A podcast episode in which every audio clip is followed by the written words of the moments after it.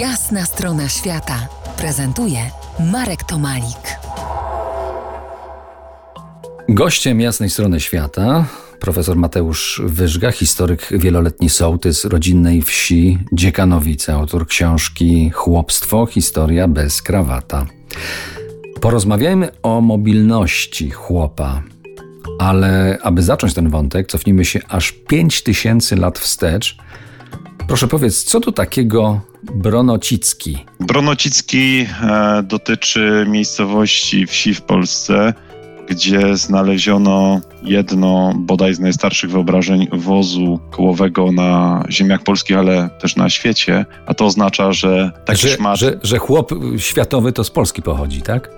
W dużym skrócie tak, ale chodzi o to, że jak widzimy taki przykład naszych ziem, to oznacza, że po pierwsze ta forma komunikacji była już rozwinięta, a po drugie było jak i gdzie podróżować. Były jakieś nitki komunikacyjne, czyli tę mobilność zasadniczo ma się we krwi. Oczywiście plemiona się zmieniały, ale te ziemie wiedziały, co to jest przepływ ludności. Mobilność chłopa. Skoro y, chłop przez długie stulecia był przywiązany do ziemi, to chyba nie mógł być y, mobilny. No chyba, że w skali mikro. Mikromobilny był chłop polski? Polski był mobilny na wielu poziomach, ale to, co i dzisiaj widzimy, to są te przemieszczenia codzienne do sklepu, do kościoła, do szkoły i tak było zawsze. Te długie formy mobilności też były ważne, natomiast to, co czytamy w źródłach, to jest pewne poddaństwo formalne, strukturalne, takie ładnie widoczne na papierze, ale rzeczywistość była inna. Jak weźmiemy różne źródła historyczne, to wyjdzie nam, jak, jaka tak naprawdę, jak to przywiązanie wyglądało. No tak jak dzisiaj mamy jedne rzeczy na papierze, a rzeczywistość potrafi wyglądać inaczej. Mobilność była potrzebna nie tylko chłopom, ale szlachcie.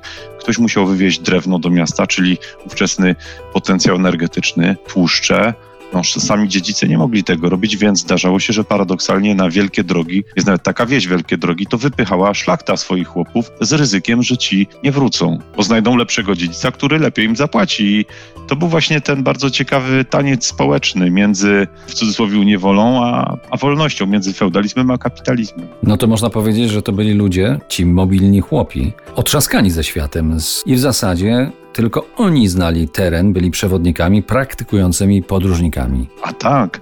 Skupmy się na tym, co widać i dziś. Stroje regionalne. Dlaczego te regiony chcą się tak definiować i odróżniać? Może już wtedy było jakieś poczucie, że świat jest w jakiś sposób, może nie wioską globalną, ale zunifikowany i trzeba się odróżnić. I oni z daleka widzieli, skąd nadjeżdża dana osoba, z jakiego regionu. No a wśród tych, którzy jeździli dalej, dalej, dalej zdarzali się pielgrzymi, wędrowcy do Rzymu czy Ziemi Świętej. Takie wyprawy były nawet sponsorowane przez panów. Tak, chodzi o to, że pewne rzeczy są nieprzetłumaczalne w czasie jeżeli my dzisiejszymi ocenami będziemy oceniać tamże, tamtą rzeczywistość, to ja aż drżę na to, jak nasze czasy będą oceniać ludzie za 200 lat. No tak, cały czas błądzimy, ale nie zbłądzimy, jeżeli zostaniecie z nami po jasnej stronie świata do rozmowy na te ciekawe tematy. Wrócimy za kilkanaście minut.